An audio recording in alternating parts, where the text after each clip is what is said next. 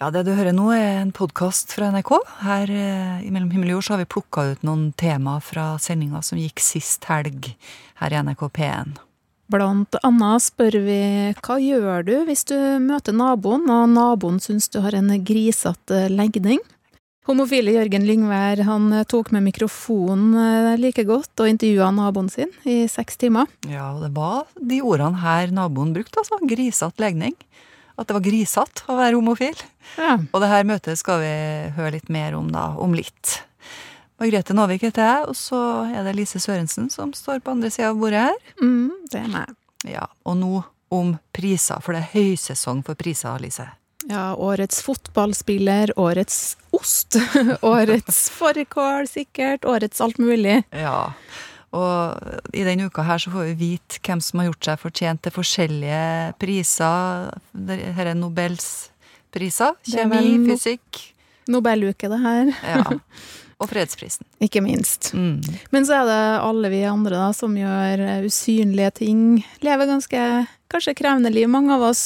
Mm. Og som burde utløse en real dose oppmerksomhet, egentlig, kanskje innimellom. Syns du ikke det? Ja, La oss høre med de prisløse, det tenkte Camilla Kjønn Tingvoll, kollega av oss. Mm. Og hun gikk en tur, hun var i Oslo. Vi, vi sender jo fra Trondheim, men Camilla har vært i Oslo på radiodager. Mm. Og så stakk hun en tur ned på Karl Johan og spurte eh, er det noe du kunne ha fortjent en pris for. Hva skulle det være, i så fall?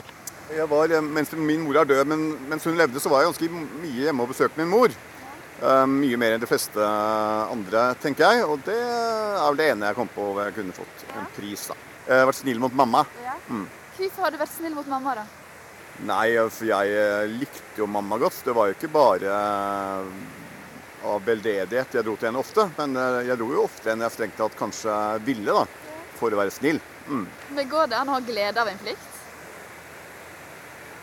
Det tenker jeg ja, det gir en mening, da. Gir en, eh, du kan kanskje skille mellom glede og mening, men eh, jeg tenker at det gir en mening i det.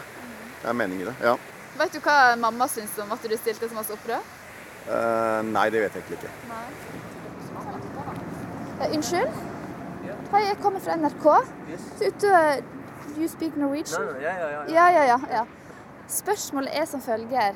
Eh, hva fortjener de en pris for? At jeg har blitt ferdig med utdanning. Det tjener jeg pris for. Jeg har eh, studert ferdig videregående. Du, du har tatt videregående. Yes. Ja? Jeg har blitt ferdig med det, og nå jobber jeg og skal søke på universitet også. Og tenker å bli ferdig med Forsvaret. Så disse tingene har jeg et mål til, og jeg tjener pris.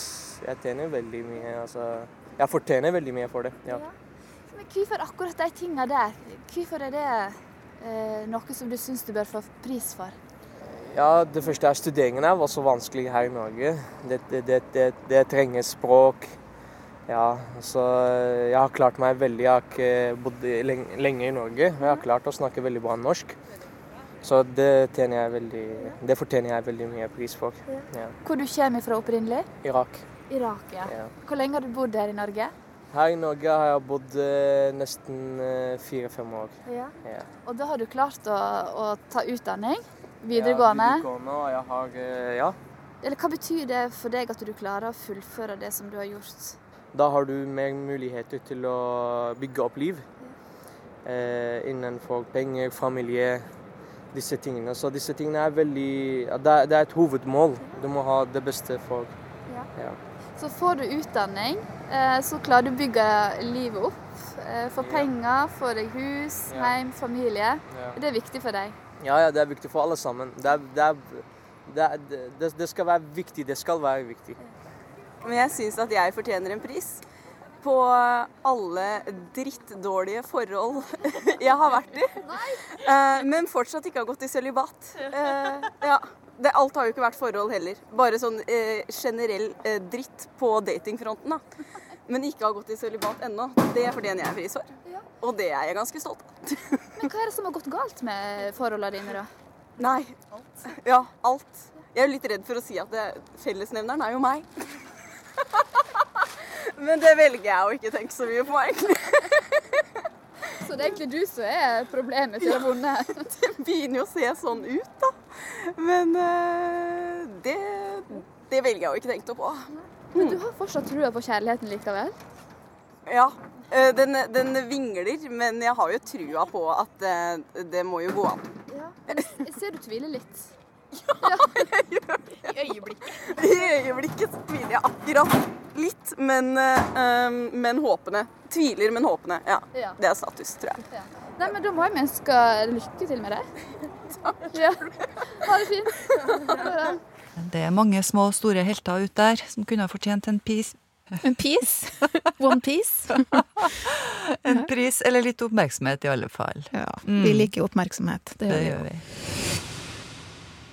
Da har vi fått besøk her i NRK P1. Hei, Jørgen.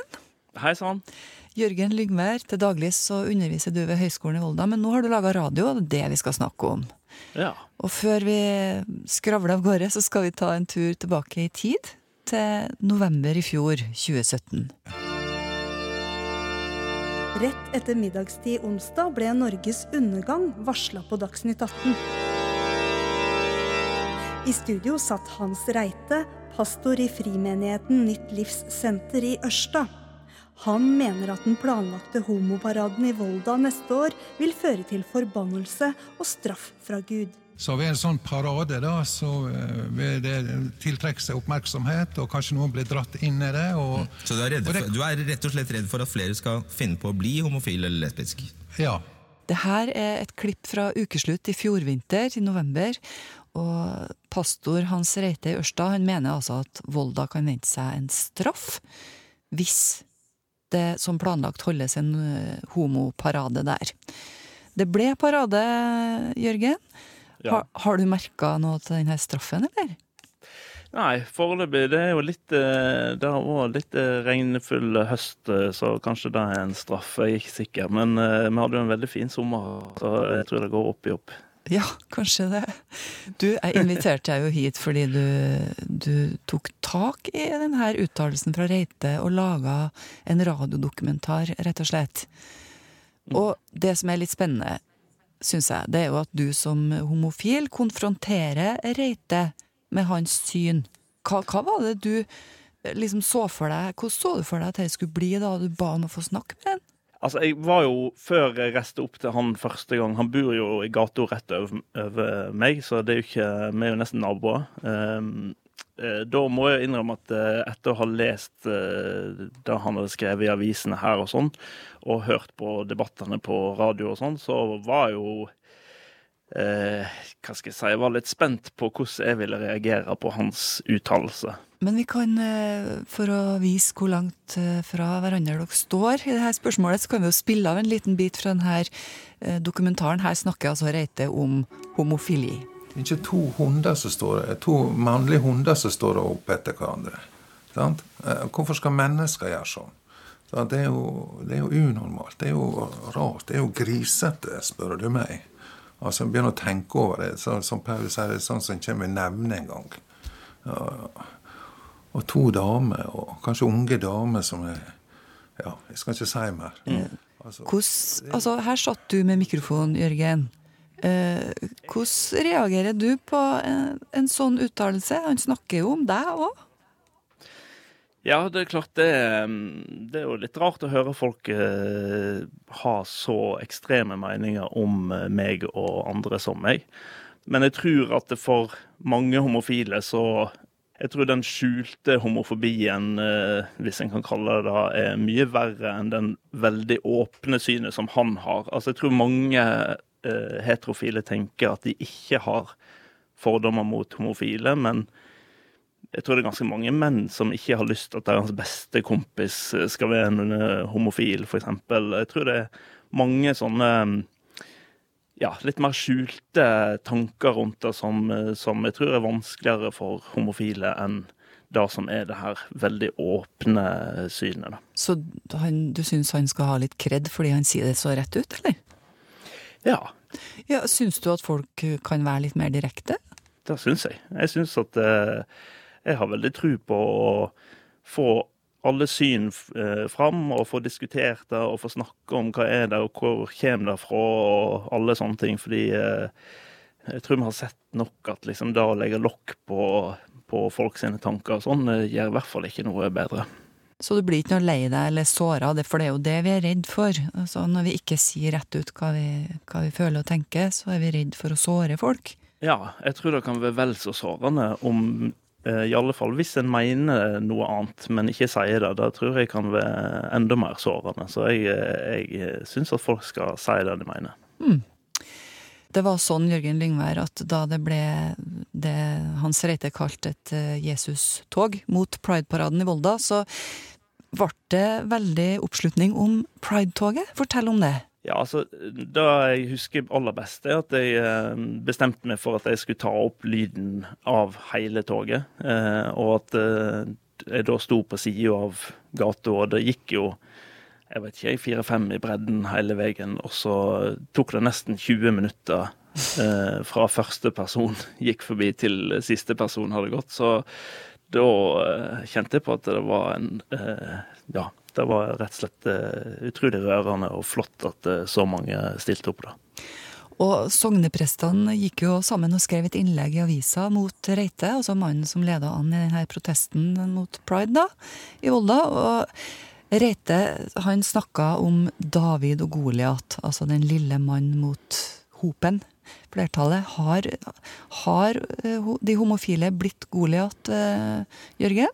Altså, når jeg begynte på dette prosjektet, så tenkte jeg jo at uh, de homofile var David, og det heteronormative samfunnet er Goliat, på en måte. Men, uh, men så når han sier til meg i intervjuet at han ser seg som David mot Goliat, så fikk jeg jo først litt bakoversveis. Men jeg skjønner jo òg hva han mener, fordi det er Jeg tror eh, spesielt her på Sunnmøre og andre plasser der religion står sterkt, så er det mange som deler hans syn, eh, som, men som ikke tør å si det. Eh, mm. Og han tør å stille opp og si akkurat det han mener. og og da kan jeg skjønne at han ser seg som en eh, David mot Goliat, selv om jeg kanskje ikke er helt enig i det. Vi kan høre et lite klipp til fra denne eh, radiodokumentaren din, Jørgen. På dette punktet så vet ikke Reite at du er homofil, og her slipper du bomba. Hva ville du sagt om jeg var homofil, da? Du? Mm. Nei, altså, du er jo eh jeg kjenner jo ikke deg, men du er en, en kjekk kar, da. Jeg vet ikke hvor, hvor, du står. Er du det? Mm. Du er det, ja? ja. Nei, jeg hadde en, jeg hadde en litt eh, mistanke om det, da, i og med at du, at du spør meg så mye om, om, om dette her. da, Men eh, altså, jeg, ja, jeg regner det som en kjekk og, og koselig kar, da. Så eh, jeg må gjerne be litt mer for det, da. ja. Men eh, jeg leste jo også om en mann i Amerika. Han tok jo sånn preparat og fikk bryst og var i et sånn homofilt ekteskap.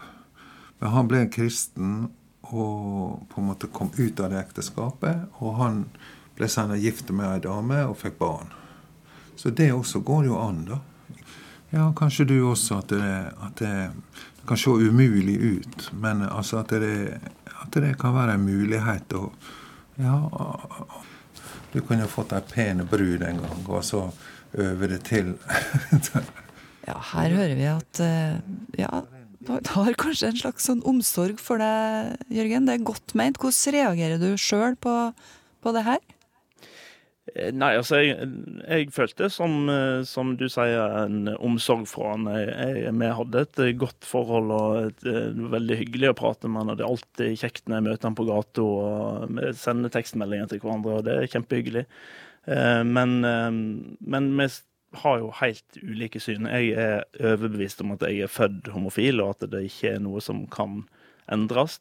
Mens han tror at, at det er et valg en tar, og at da kan endres. Han snakker jo ikke helt uten erfaring heller, viser det seg. Nei, han har jo opplevd ting uh, i ungdommen uh, som, uh, som, kommer fram i dokumentaren. Mm, det kan vi jo la være en hemmelighet, så kan folk gå inn og høre sjøl.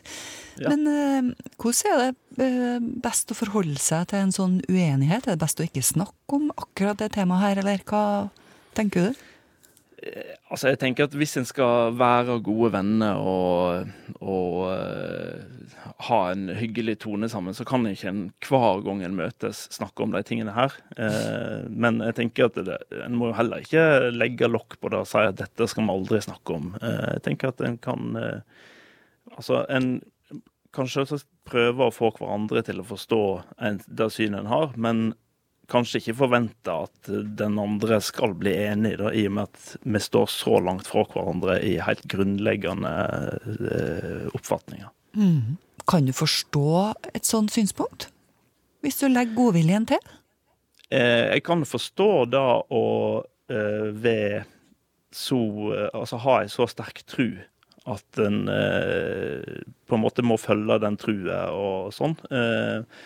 Men jeg, jeg mener jo at eh, enhver person må ta ansvar for sine egne holdninger, sine egne standpunkt, sine egne synspunkt. Eh, jeg syns jo på en måte det er feigt å bare følge ei bok og holde opp ei bok og si om det står her. Jeg tenker at alle er nødt til å kjenne etter, fordi jeg er sikker på at alle har en følelse av godt og vondt inni kroppen sin, som de kan kjenne etter at dette står jeg for, eller dette mener jeg, og da ikke bare si at det, det står her.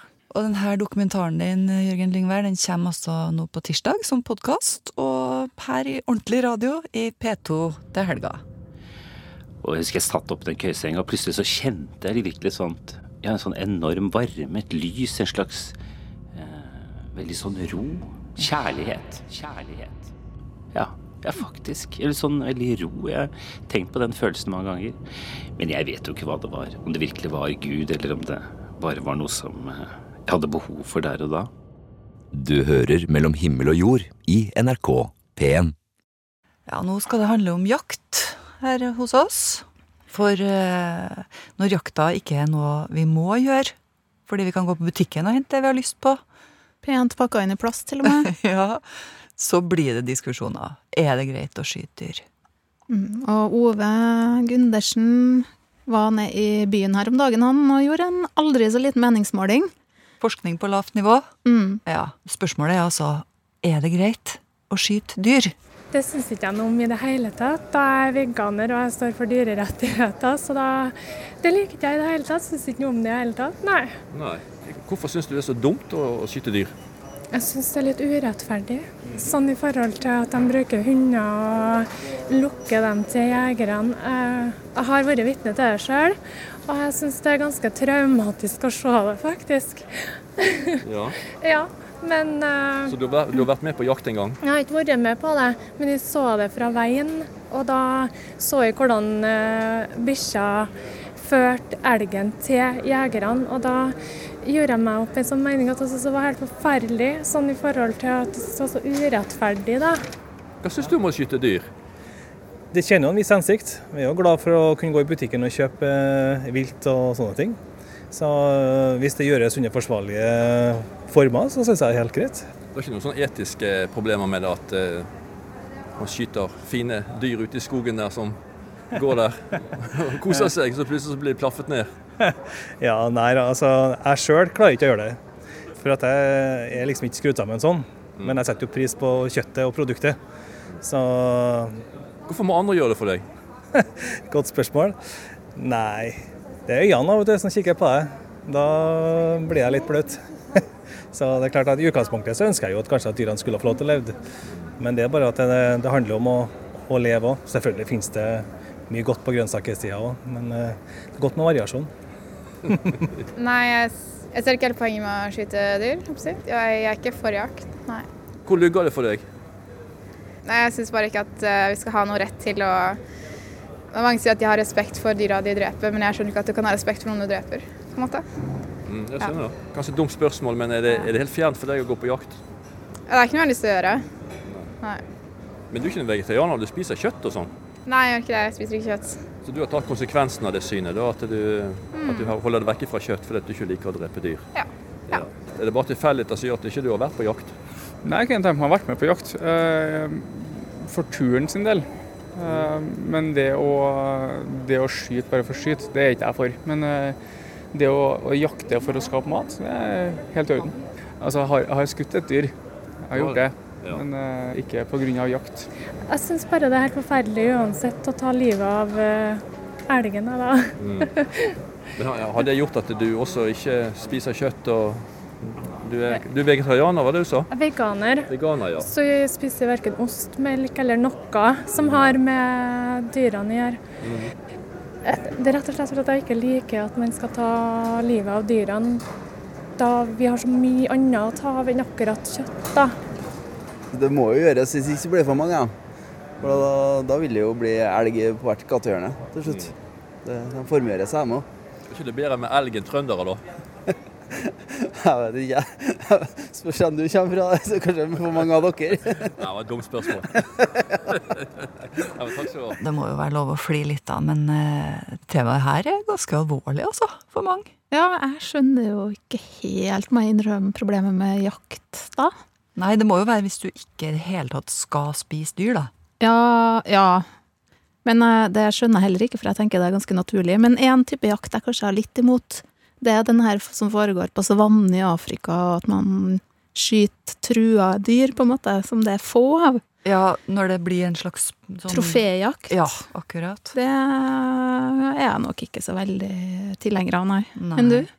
Nei, nei, jeg er ikke det. Men jeg, akkurat det med jakt syns jeg jo egentlig er mye finere enn å stenge inn dyr i, i et fjøs hele livet, og så spise dem til slutt. Jeg syns jo det er verre. Ja, det, jeg vet ikke hvor bra de har det inni et fjøs, på en måte. Det er men litt uten forskjellig, da. Ja, det er stort sett bra, sikkert. Men i skogen er jo der mange hører hjem, da. Ja, skulle tro at det var mer humant, for å bruke et sånt litt pussig ord på dyr, da. Men jeg har jo vært ute og snakka med en jeger, da. Ja. For å forstå litt mer uh, hvordan de tenker. For det er ikke bare matauk, det er glede i selve jakta. Og det var det du skulle prøve å finne ut av hva Ja, litt sånn der hva er greia med jakt, liksom. liksom. Hvordan uh, Hva er greia? ja, hvorfor drar man uh, på jakt når man faktisk da kan gå i butikken og kjøpe kjøtt pent pakka inn i plast? Ja, så er det jo sånn akkurat nå da at det er sikkert flere tusen jegere som sitter på post og fryser og hutrer og med termosen ved sida av seg akkurat denne uka her, for elgjakta har starta. Mhm. Og det er jo hjort og rypejakt og alt mulig annet også, så det kan med andre ord bli travelt for eh, de jaktfrelste nå om dagen, da. Skal vi se.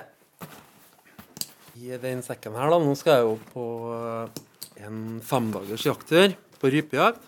Thomas Amdal, en 37 år gammel tobarnsfar, har fått et eh, eget rom hjem til hobbyen sin. Eh, Vi kaller det bare jaktrommet i familien, men det er jo der alt friluftsutstyret er. Alt ligger klart, så det er bare egentlig å skuffe det ned i sekken og dra på tur i løpet av fem minutter. Turen han pakker til nå, er ikke den første denne sesongen. Jeg starter allerede jakta 10. august med bukkejakt på rådyr. Og da jakter jeg egentlig jevnt og trutt eh, kanskje flere ganger i uka, fram til i hvert fall til julaften. Og så har jeg en liten pause før januaren, og da begynner revejakta. Men da er det jo noen kvelder fra ja, fram til ute i mars. Så det er vel bare i eh, mai og juni og juli at jeg ikke jakter. Interessen for naturen starta da Thomas var liten gutt på Byneset utenfor Trondheim. Her har han vokst opp med skogen som lekeplass. Det var ikke noe mye asfalt eller opparbeida lekeplasser, og heller ikke noe PlayStation og sånn på den tida. Så når vi skulle leke, så var det ut i skogen og opp i trærne. Primus og kokekar. I dag bor han fortsatt på Byneset med familien sin på en gård, og jaktinteressen den kom som en følge av gården.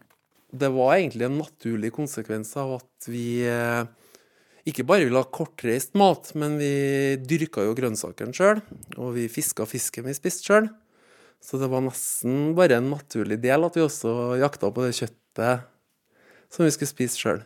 Og så er det jo det at uh, forskjellen på å gå i butikken og så kjøpe seg noe kjøtt, og det at du jakter det sjøl, det er jo at du har vært med i hele prosessen.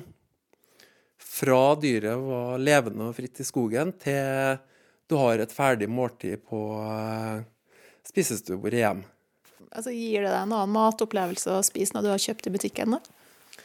Eh, Den maten som jeg jakta sjøl, blir en helt annen matopplevelse enn det en kjøper i butikken. Det kan en på en måte sammenligne med mm, om du kjøper pepperkaker til jul på butikken, eller om du baker sammen med ungene. Og så kan en spørre ungene hva de syns smaker best, om det er det en har laga sjøl og jobba for, eller om det er det en bare har henta i butikkhylle. Det her tar jo veldig mye vekt. Å ha med så mye ammunisjon. Ned i sekken legger Thomas også to pakker med ammunisjon. Men eh, jeg kan egentlig ikke se for meg noe verre enn å gå tom eh, for ammunisjon når du er på rypejakt. En annen grunn til at Thomas pakker sekken så ofte for å dra til skogs med hagle, er at han er glad i dyr. Alle som jeg sier til, da får jeg oppfølgingsspørsmål at hvordan kan du drepe dyrene når du er så glad i dem? Og det er jo fordi at jeg vet sjøl at jeg foretar en human avliving, og at jeg høster av et overskudd i naturen. Eh, og samtidig så vet jeg sjøl hvordan jeg respekterer den råvaren, og hvordan jeg på en måte hedrer det dyret etter at jeg har skutt det, gjennom hvor takknemlig jeg er i forhold til maten jeg får og naturopplevelsen. Så det er egentlig det litt større bildet på gleden med jakta. Sekken er ferdig pakka. Der, da er sekken klar til tur. Når han skyter rype nå i helga, bidrar han også til å regulere bestanden. Og det er en viktig grunn for at han eh, syns jakt er så bra. Ja, det er jo på en måte et uh, samarbeid, og det er jo noe vi menneskene har gjort uh, siden vi kom på jorda. Det er jo å jakte og dreve med fangst. Det er jo sånn vi overlever, at vi høster av det overskuddet som naturen gir. På vei ut til bilen for å kjøre til fjells. For Thomas handler jakt også om hvordan man vil leve livet. Mange syns at det er fint å sitte på kafé i gågata og ja, drikke fancy kaffedrikker og sånne ting, mens eh, jeg syns at hvis jeg skal finne roen og freden, så vil jeg heller ut i naturen og finne tilbake til litt det grunnprinsippene vi har eh, for å overleve, vi som mennesker. Og når du eh, må fokusere på det, så glemmer du stress på jobb, og du glemmer ja, om det er økonomiske problemer, eller om biler skulle vært på verksted, eller om det er en case du skulle ha levert på jobb i forrige uke som du ikke nådde deadline på. Så alt det blir glemt når du har nødt til å fokusere på å finne mat og finne varme og ja, de primære behovene. Hvem hadde vært uten jakta, og uten naturen? Uten jakt og naturen, så eh, Og det, det, tør jeg nesten ikke å tenke på. Det har vært eh, veldig trist. Om jeg ikke har vært død, så tror jeg jeg har vært veldig død innvendig, i hvert fall hvis jeg ikke har fått lov til å være ute.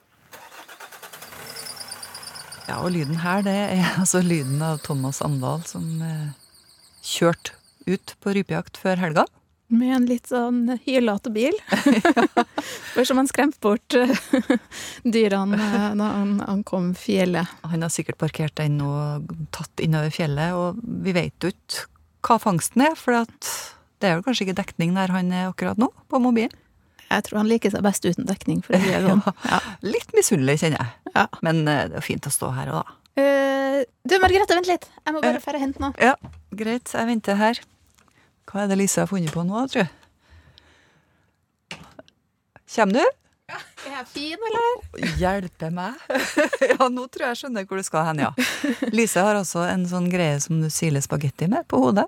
Mm. Mm. Det her er nemlig et religiøst hodeplagg, ifølge noen, rett og slett. Ei hvit, eller sånn dørslag ja. på hodet, det er det I plastikk er ja. den her, da. Men ja. uh, jeg fikk lyst til å prøve et religiøst hodeplagg, da. Eller det som noen mener er det. Ja, hvordan kjennes det ut, da? Um, trygt. Ja. Som en hjelm, egentlig. Blir det sånn nå? Nei, det her er nok bare jeg, jeg tror ikke jeg kommer til å vandre rundt med den her på jobb, altså. Du har kanskje hørt om det, du som hører på? Spagettimonsterkirka?